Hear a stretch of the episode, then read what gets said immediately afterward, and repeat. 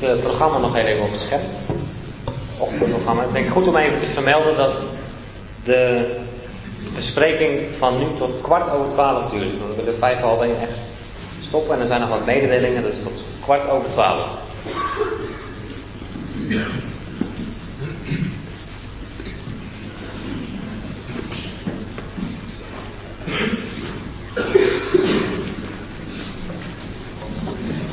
Wij zijn de besnijdenis. Geweldige uitdrukking. In de Bijbel heb je verschillende meermalen die uitdrukking niet met handen gemaakt. En dat wordt in Colossensen 2 met deze besnijding ook aangehaald. Een besnijding niet met handen gemaakt. Het geeft een steen in Daniel 2 die niet met handen geworpen is. Die komt. Christus, de toekomstige koning. Daar geeft het een huis van God. Tweede Korinther 5. Niet met handen gemaakt. De Heer spreekt over een tempel die hij zou bouwen, niet met handen gemaakt. En dan het vierde wat we hier hebben, een besnijdenis niet met handen gemaakt. Wat betekent dat? Dat het van God gebeurt. En dan is het volmaakt, volkomen. We hebben een besnijdenis die volkomen is. Die niet met handen gebeurde, maar die van God zelf gebeurde aan de Heer Jezus. En dat is een gezegende waarheid. Dat wij niet deze dood moeten, moesten ondergaan, die Hij onderging. Als Hij in onze plaats tot zonde gemaakt werd en in de dood moest gaan. Als Hij die oude mens aan het kruis zijn einde vond, moest Hij daarvoor sterven. Niet jij, niet ik. Deze besnijdenis zijn wij. En er wordt in drie punten genoemd, wij zijn daar al ingegaan. Ik wil alleen betonen die verschil. Het oude volk Israël die de God hun hele leven was uitgericht naar God toe. Maar het gebeurde op een vleeselijke, zichtbare manier. Maar wij dienen nu God door de geest. Niet door het vlees, alleen door de geest. In uh, Johannes 4, daar spreekt de Heer over aanbidding. En de Joden hebben hun bergen waar ze aanbidden. De Samaritanen hebben hun plaats. Maar waar is onze plaats van aanbidding? Wij bidden aan in de geest. Daar is het de plaats. Aanbidding kan alleen in de geest. In de kracht van de Heilige Geest wat we hier vinden, kunnen wij God dienen. Dat is een wonderbaar feit. Dat wij hier op aarde in ons hele leven, maar ook in onze houding tegenover God, God dienen door de geest. Dat woord wat hier gebruikt wordt, is in het Oude Testament altijd verbonden met een uh, offerdienst. Maar het is onze levenshouding tegenover God dat wij door de geest God dienen. Het tweede is, wij roemen in Christus Jezus. Elke religie roemt zich van een persoon. En misschien wel elke groep van gelovigen of van christenen op aarde hebben hun persoon. En Martin Luther, personen die uh, invloed gehad hebben. Maar wij roemen niet in een mens. Met vlees, met uh, zonde. Wij roemen in de Heer Jezus die gestorven en opgestaan en die de heerlijkheid is. Hij is de enige roem die wij willen hebben. Wij roemen Christus Jezus. Psalm 87 wil ik alleen aanhalen als mooie illustratie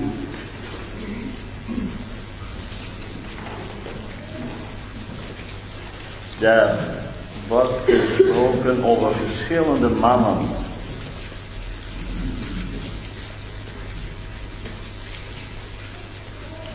In vers 4, Psalm 87, vers 4. Rahab en Babel vermeld ik als degene die mij kennen. En ja, eh, er wordt eigenlijk gezegd, elke stad heeft een grote naam. Heeft een beroemde man. Maar van Jeruzalem wordt gezegd, en het laatste in vers 6. De Heer telt bij het afschrijven der volgen, deze is daar geboren. Dat is de rijkdom van ons. Dat wij ons Christus Jezus mogen wonen. Dat is de rijkdom van Jeruzalem, van Israël. Niet de Mozes, niet de Elia, die moeten aan de kant. Dat de Heer Jezus hier geweest is, dat Hij hier geboren is dat Hij nu in de heerlijkheid is. Dat is die rijkdom die wij hebben, onze deel. En het derde is niet op vlees vertrouwen. Wij vertrouwen op de Heer en wij willen ons alleen Hem voor ogen hebben. Dat zijn christenen. Dat zijn eigenlijk de modelchristen die God heeft. En als we beginnen wij zijn de besnijdenis, dan is dat niet alleen een negatieve zaak. Het was het teken van het verbond. Het was de plaats in Gilgaal. In het land waar God te huis was. Als wij aan het einde komen, dan is God er daar. En als wij niet meer terugkomen naar Gilgaal, dan verliezen wij de tegenwoordigheid van God. God is daar waar Christus alles is. God is daar waar wij, waar de Heilige Geest de kracht vindt onze ogen te richten naar de Heer Heerlijkheid. De Heilige Geest is niet met zichzelf bezig. Het wordt al even gevraagd over in te gaan, over ontwikkelingen. De Heilige Geest gaat ook niet met onze gevoelens bezighouden. De Heer Heilige Geest heeft nooit de bedoeling ons met onszelf bezig. Hij doet het alleen als iets bij ons te is. Hij is hier mag ik wel zeggen, in een dienende houding om Christus te verheerlijken. En daarin dienen wij God.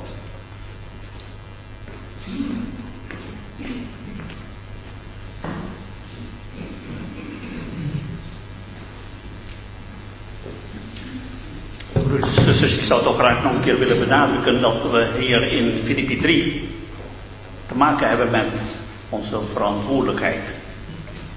Het is niet zozeer onze positie, maar onze verantwoordelijkheid. Wat bedoel ik daarmee? Uh, als er gesproken wordt over verblijd u in de Heer, dan is dat niet de blijdschap omdat ik weet dat ik verbonden ben met de Heer. Maar dat is de verwerkelijking, zoals in uh, Filippi 3, vers 14. Ik vergeet wat achter is, mijn uitstrek naar wat voor is, jaag ik naar het doel. Het is een, een, een, een, gerichtheid van het leven. Je verblijdt je in de Heer. En er is al gezegd dat, uh, dat Filippi 3, in tegenstelling tot Filippi 2, vooral het nadruk legt op de Heer Jezus verheerlijk in de hemel. En dan is het goed om de, uh, om de tekst erbij te noemen. In Handelingen 2, vers 36 lezen wij dat door de opstanding God, eh, de Heer Jezus gesteld heeft tot Heer en Christus. Dus we mogen denken als, als, we, als we hier lezen, verblijven in de Heer, richting Hij die verheerlijk is in de hemel. Dat geeft veiligheid. We weten dat in Filippi de verdeeldheid dreigt. Dat kom je straks in hoofdstuk 4 tegen, maar ook in hoofdstuk 2. Maak mijn blijdschap volkomen door eensgezind te zijn. Tussen de regels door lees je dan, er is een neiging tot verdeeldheid. En daar moeten de Filippiërs beveiligd worden. En, en dat is voor ons denk ik een hele verootmoedigende gedachte. Die veiligheid vind je alleen maar als we ons verblijden in de Heer. Want, en dan ik nog een keer onderstrepen, en dat is zo ontzettend belangrijk. Paulus zegt dat al, nog een keer te zeggen, straks in Filippi 4, dat is wat blijdschap betreft, is, en, hier ook, is voor hem niet verdrietig. Um, we hebben gehad over de honden. En dan uh, de Heer Jezus zelf, als hij aanhaalt over de honden in de bergreden, Matthäus 7, vers 6, spreekt hij op: geef de heilige niet aan de honden. En dan wordt er over de zwijnen gesproken, want die, die kunnen je vertrappen. Maar daarna lees je opdat je die niet verscheuren. Dat verscheuren, dat heeft met die honden te maken in Matthäus 7. Kenmerk van hond, zoals al gezegd, is verscheuren, verdeeldheid. En dat heeft te maken met ons uh, ijver. In de Galatenbrief wordt gewaarschuwd dat als we elkaar bijten, eten, opeten, dan worden we door elkaar verslonden. En dan lezen we ook nog van de boze arbeiders. Ik heb zelf nagedacht over die boze arbeiders. Ja, ja dat, zijn, dat zijn de werkers die niet goed zijn. Maar voor de Joden die de schrift kennen, is dat een uitdrukking die parallel loopt met Psalm 14. Ik wil die tekst toch nog even lezen, want waar dacht de apostel bij die uitdrukking boze werkers? In Psalm 14, vers 4.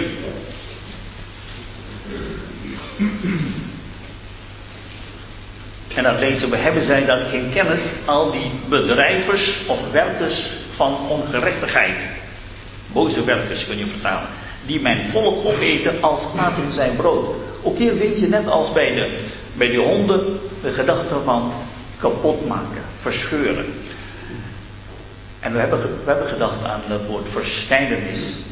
Het woord versnijdenis in Leviticus staat ook in verbinding met iets zodanig kapot maken, inkepingen, insnijdingen, waardoor je niet meer geschikt bent om tot God te naderen. Je maakt alles kapot en dan kun je niet meer tot God naderen.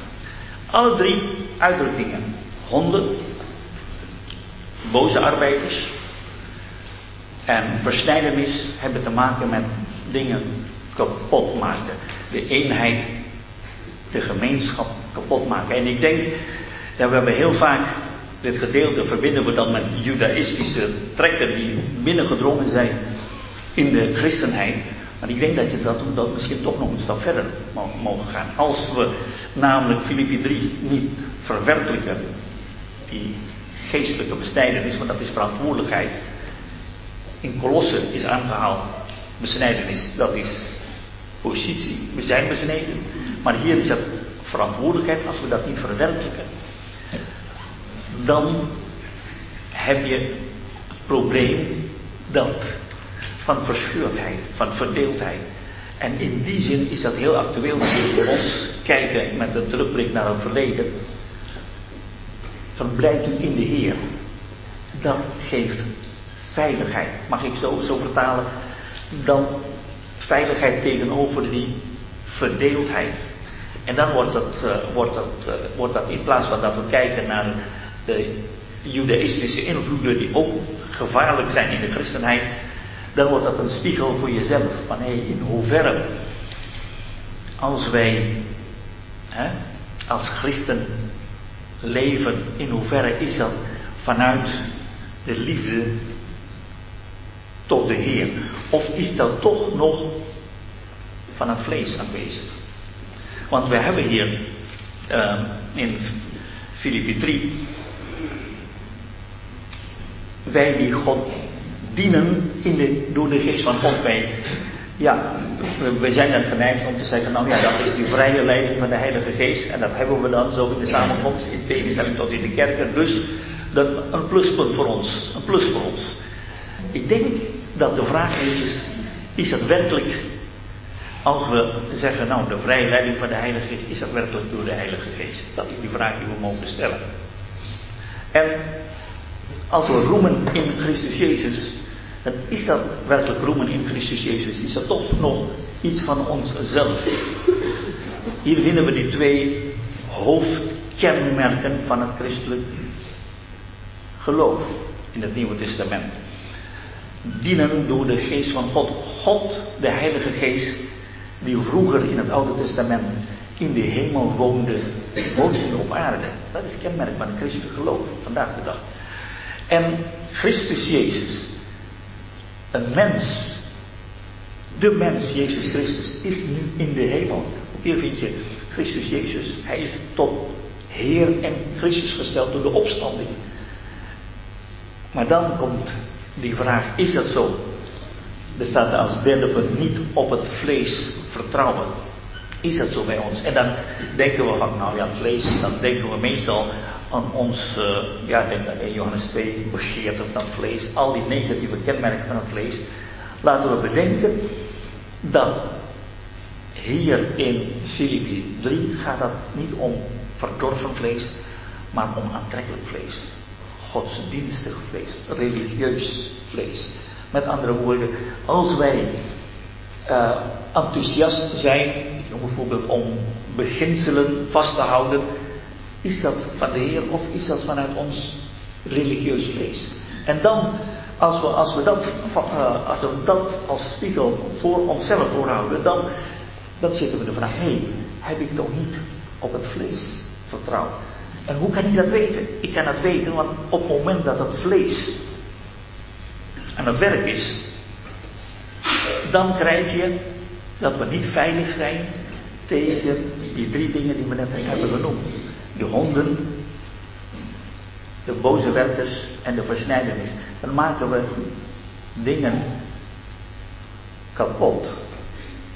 En dat is, dat is denk ik een, een, een, een, een les die ik voor mezelf en wij voor onszelf mogen meenemen naar huis.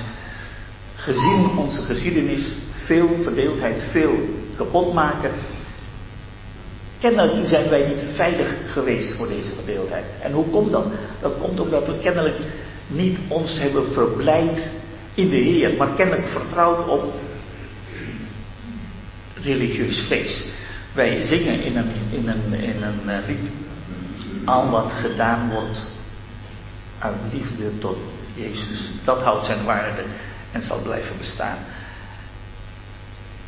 Is dat bij mij het geval, is dat een vlag die werkelijk de lading dekt? Is dat niet dat we toch nog vaak uit onze religieus vrees de hoogste beginselen willen vasthouden?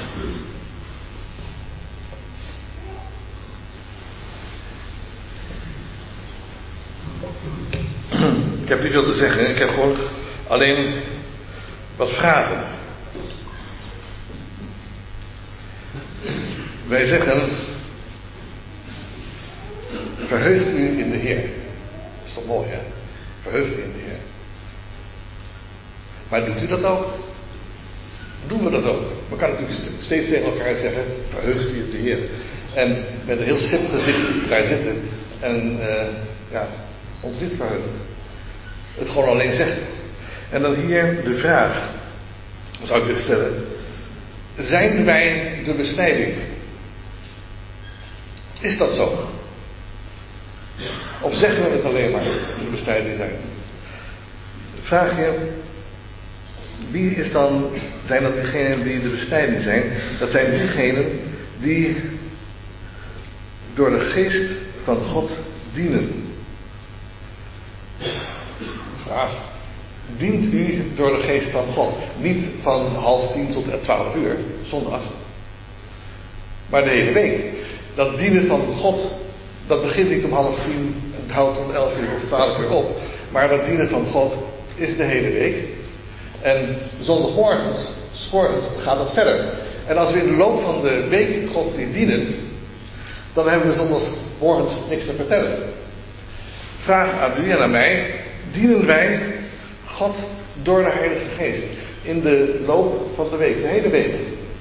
Van morgens vroeg tot avonds laat zijn we mee bezig God te dienen. Ik herinner me aan een gesprek dat ik jaren en jaren geleden, ik was wel heel jong en heel uh, enthousiast christen, ben ik trouwens nog, maar toen was ik, uh, dat ik een moeder gevraagd heb bij ons in de vergadering over het werken, het dienen door de Heilige Geest. En toen zei hij tegen mij, hoor ik begrijp je enthousiasme heel goed, maar je moet je gewoon zo voorstellen. Ik ga s morgens om 8 uur naar mijn werk. ben daar tot vijf uur op mijn werk. Dat doe ik al jaren. Dat is gewoon mijn leven. En uh, ja, wat jij vertelt over de Heilige Geest. Ik weet al wat ik moet doen. Ik doe iedere dag mijn werk. Dan heb ik gedacht, is dat saai?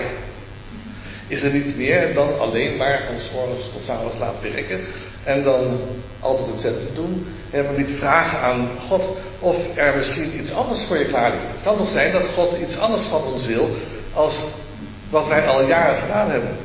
Is toch mogelijk dat God ons een andere taak geeft? Waarom niet?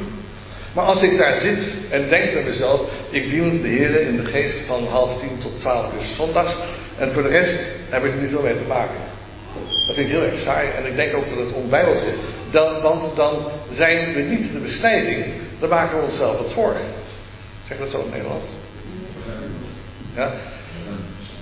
Ja? Oké. Okay. Dan houden we onszelf voor de gek. Ja. En dus gewoon de vraag aan u en aan mij. Is het zo dat wij God door de geest dienen? In sommige verhalingen vraag ik wel eens een keer: um, Weet u zeker dat u de Heilige Geest ontvangen heeft? En dan krijg je zo'n reacties: Nou ja. En dan denk ik bij mezelf: Als je niet weet of je de Heilige Geest ontvangen hebt, hoe kan je dan God door de Geest dienen? Dat gaat toch helemaal niet? Mag ik eens vragen, de mensen hier zo die hier zitten, alle broeders en zusters hier, weet u zeker dat u de Heilige Geest ontvangen heeft? Want als dat niet zo is, dan kunnen wij natuurlijk zeggen, wij zijn de besnijding. Nou is dat voor de gek. Dat is helemaal niet waar. Heeft u de Heilige Geest ontvangen? Wanneer niet? Dat heeft niks te maken met Pinkster of zo, of het, het charismatisch bewegen. Dat is heel normaal iets dat een christen is iemand die de Heilige Geest ontvangen heeft. En als hij de Heilige Geest niet ontvangen is, heeft, dan is hij geen christen. Heel simpel. Heeft u de Heilige Geest ontvangen? Als dat niet zo is, als u niet zeker bent, vraag dan hier en daar maar hoe u het wordt moet. En zo, dan uh, krijgt u het wel te horen. Maar als dat niet het geval is, dan kunnen we natuurlijk zeggen, wij dienen Christus door de geest. En dan houden we onszelf voor de gek. En uh, roemen wij in Christus Jezus. We moeten denken aan gevangenissen in Ethiopië, waar ik vaak ben, of in Kenia. Wanneer je daar gevangenen hebt die tot geloof gekomen zijn en vol enthousiasme zijn voor de Heer Jezus, ja, daar straalt het echt van af. En soms heb ik het gevoel, als ik zo kijk hier en daar, dan denk ik bij mezelf, waar is het stralen eigenlijk? Uh, wij zijn vol met de Heilige Geest, je ziet er helemaal niks van. Het is natuurlijk zo dat de Heilige Geest spreekt geen gevoelens aan. Maar ik denk toch dat het als we de Heilige Geest ontvangen hebben en we zijn vol met de Heilige Geest, dan voelen we wel wat. Of zie ik het verkeerd? Of is het, het christendom gewoon een heel nuchtere zaak waarbij je helemaal niets voelt? Dat geloof ik eigenlijk zelf niet. Als we ons verheugen in de Heer, dan is er toch een gevoel bij. Verheug je in de Heer. Wederom zeg ik niet, verheug je. Niet in de omstandigheden, maar in de Heer. Maar goed, die gevangenen daar in, in de gevangenissen. Uh, als ik daar ben, dan spreek ik vaak over Romeinen hoofdstuk 5. Dan heb je namelijk ook dat roemen in de Heer. Dan kan ik zeggen, dan mag ik zeggen, jullie zijn gerechtvaardigd door het geloof. Zelfs als je moordenaar bent en je zit tot het eind van je leven in de gevangenis, je bent gerechtvaardigd door het geloof in de Jezus.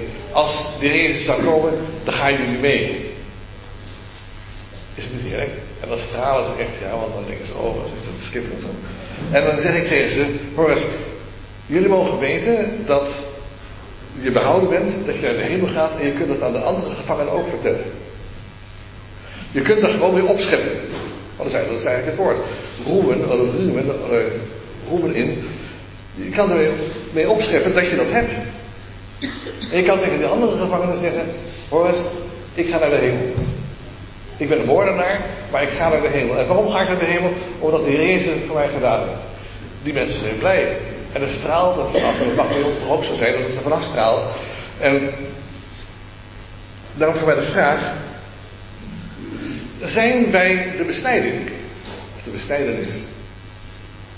Is dat echt zo? Er staat hier, wie er zijn die besnijden, want wij zijn de besnijding, besnijders. Maar is dat zo? Ik wou de vraag gewoon omdraaien. Niet, wij zijn de besnijdenis. Maar ik zou willen vragen, zijn wij de strijders. En zien we dat ook? Beleven we dat ook? Dat we door de Heilige Geest geleid worden? Want diegenen die door de Heilige Geest geleid worden, dat zijn zonen van God. Als we niet geleid worden door de Heilige Geest, dan mogen we kinderen van God zijn, maar zonen zijn we niet. Dat is het verschil. En roemen we werkelijk in Christus Jezus en vertrouwen we werkelijk niet op het vlees. En wat er daarna volgt, dat laat ons zien wat het vlees is. Is het werkelijk zo dat wij niet op het vlees vertrouwen? Of zeggen we dat alleen? Dat is natuurlijk erg gevaarlijk.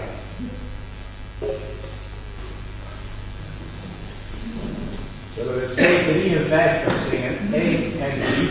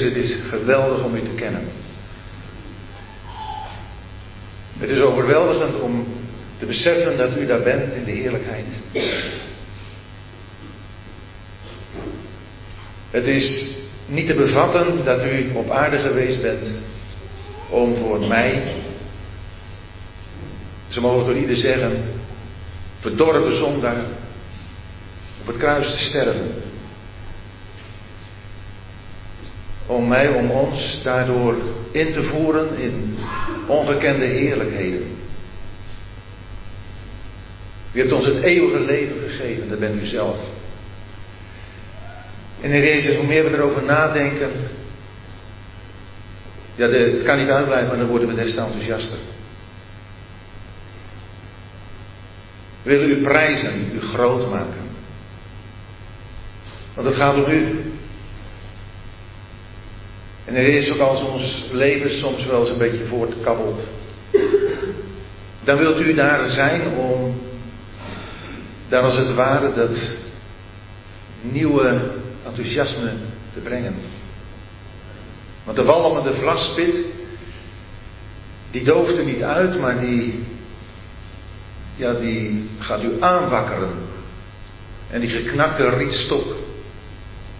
Heer Jezus, daar kunt u een, fluit van maken, een, een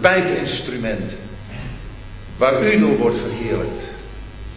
Want Heer Jezus heeft begrepen dat het gaat om u, maar niet als een theologisch voorwerp, om het oneerbiedig zo te zeggen. Maar Heer Jezus, om u, de levende Heer. Met wie we in een nauwe relatie mogen staan. Die we mogen verwachten uit de hemelen. Die we mogen uitleven. Heer Jezus, wij prijzen u tot in alle eeuwigheid. En daar willen we graag op aarde begin mee maken. Of voortgaan. Heer, dat de overgang bij u te zijn als u komt niet echt groot zal zijn. Omdat we hier op aarde met u hebben mogen leven. Heer, dank u wel voor, wie u bent. Amen. Amen.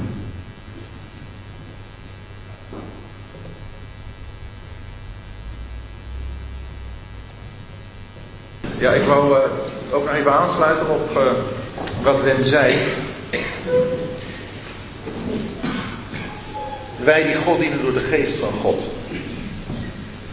Wim komt wel eens komt ook wel eens ergens en je hoort regelmatig dan ben je voltijds in de dienst van de Heer.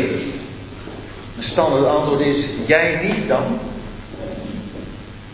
Want het gaat erom dat wij christenen zijn 24-7. 24 uur per dag, 7 dagen in de week. En als we hoort hebben, dienen, hier is uh, ja, God offers brengen. Dat betekent dat, even binnen met Romeinen 12, dat wij ons leven tot een levende offerander voor God stellen. En daar is ieder van ons toe geroepen. Maar dat is ook denk ik het verlangen van ieder van ons. En of je nou een, een bepaald beroep hebt wat je regelmatig steeds weer doet, de meesten van ons hebben dat, mag je dat voor de Heer doen. Maar elke dag opnieuw, als je misschien, ja, misschien zijn lopende band,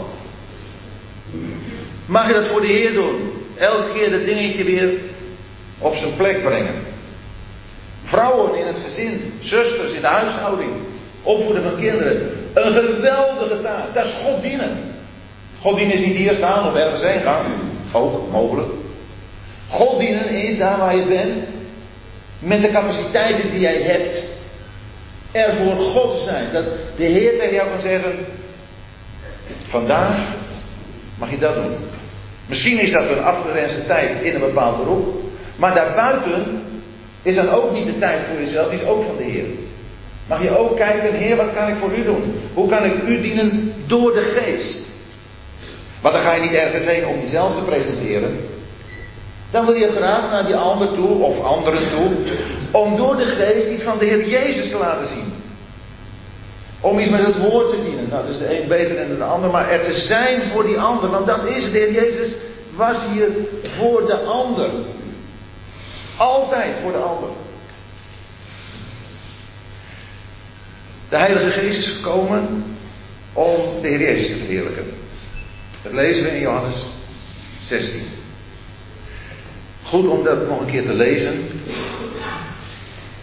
En de vraag die Wim gesteld heeft, heb ik de laatste tijd ook regelmatig gesteld. Heb je de Heilige Geest ontvangen?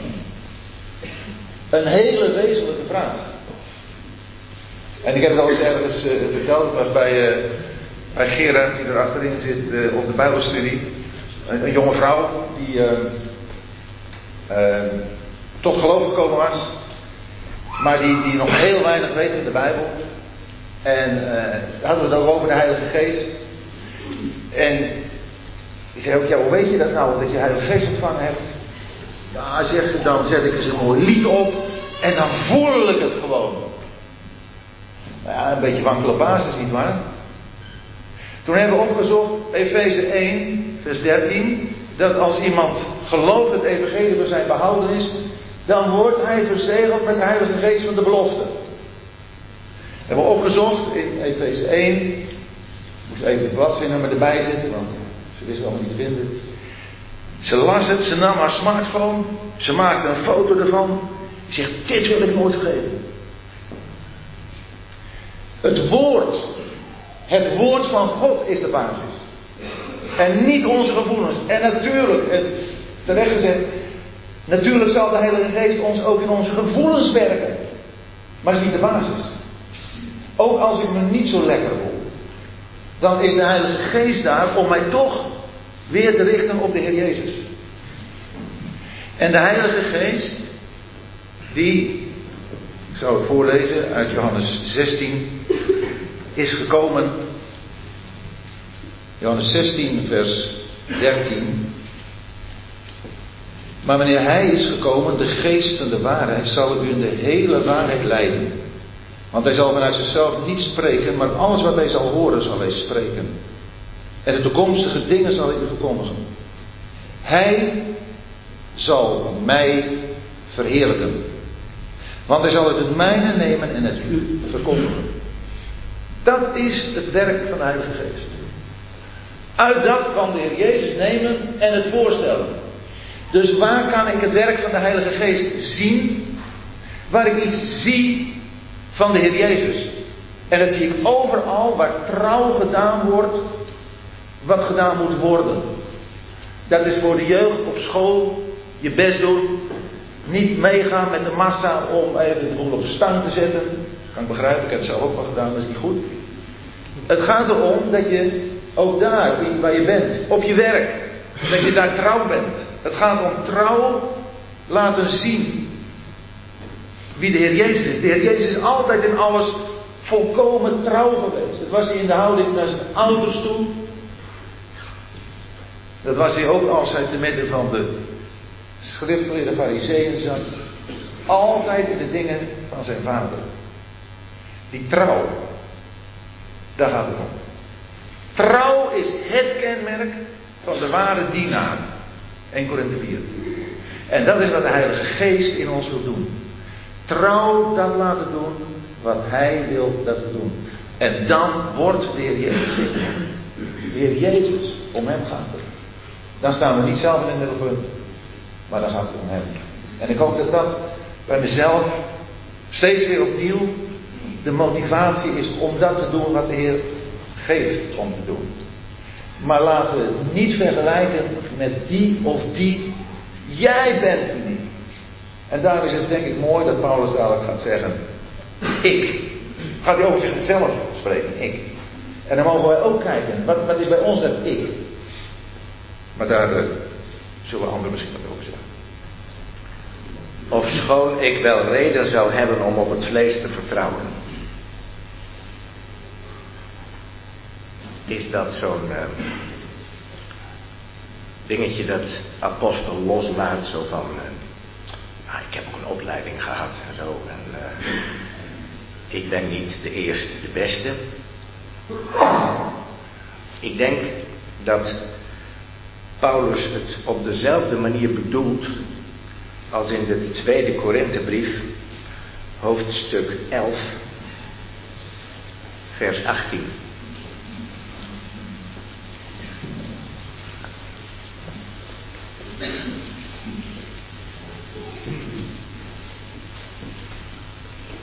Laten we beginnen bij vers 16. Nogmaals zeg ik, laat niemand menen dat ik onwijs ben, of anders neem mij aan als een onwijze. Opdat ook ik een weinig mag roemen. Want ik zeg, wat ik zeg, zeg ik niet naar de Heer, maar als in onwijsheid in het vertrouwen te mogen roemen.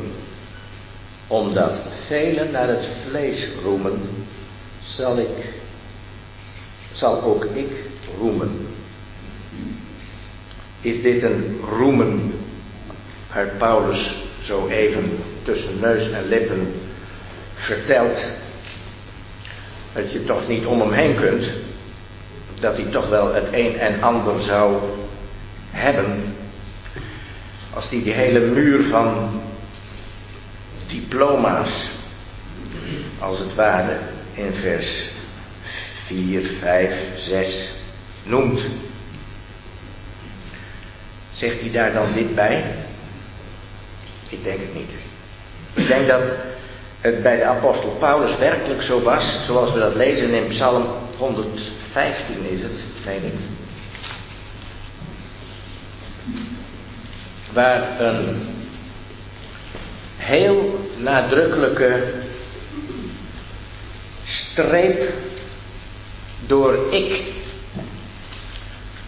gezet wordt door de psalmist in vers 1 direct al. Niet ons, heren, niet ons, maar geef uw naam eer.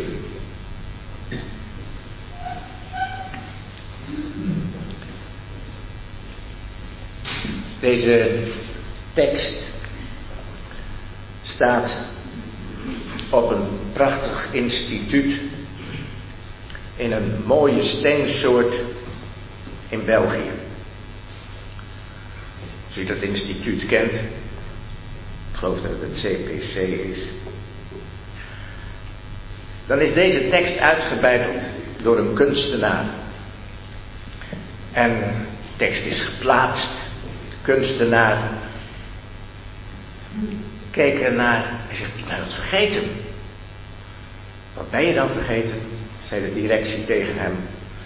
Ik ben vergeten om, dat doe ik altijd, om mijn naam onder zo'n beeldhouwwerk te zetten. Oh, misschien kan het wel op de zijkant, dacht hij even, hardop. En toen drong even tot hem door. Dit kan niet. Hier mag ik mijn naam niet opzetten. En misschien is het zo bij u, bij mij, dat wij toch heel moeilijk afstand kunnen nemen van onze naam. Dan kunnen we voorbeeld nemen aan de kunstenaars in de middeleeuwen. Die vergaten hun naam, want dat was helemaal tot eer van God. Zo hoorde dat toen. Nu niet meer. Nu moeten we ervoor vechten misschien. Tegen dat ik.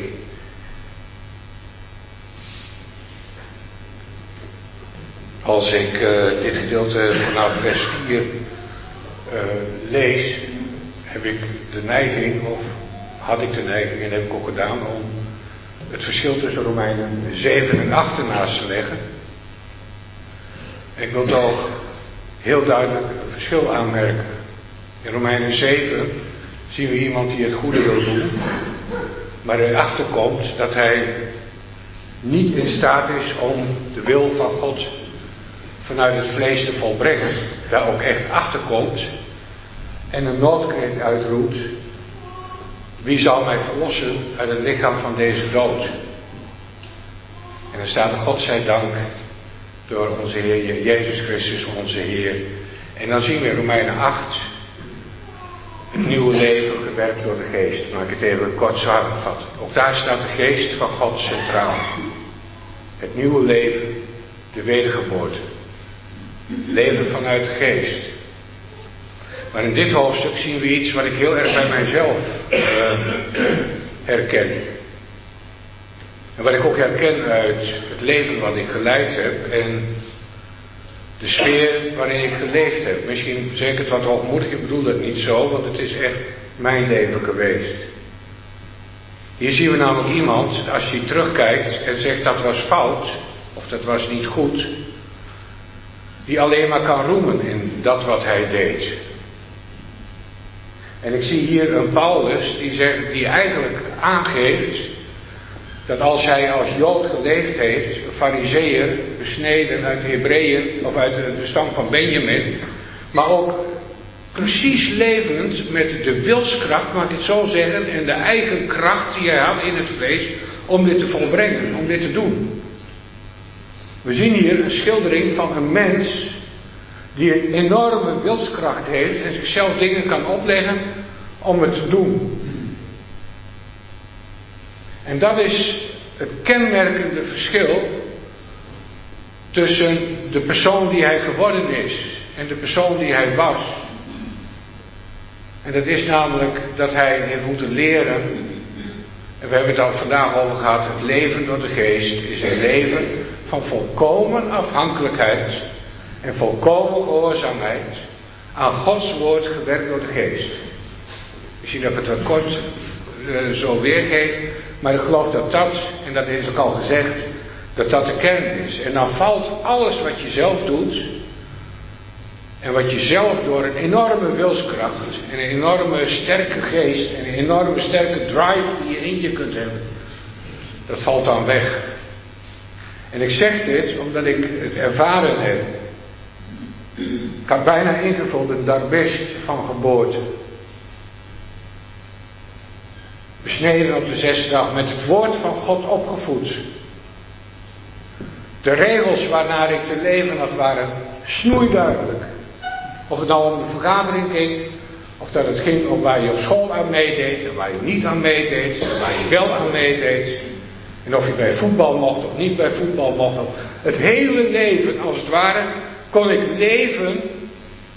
In Duits zit ik een kon ik gewoon leven.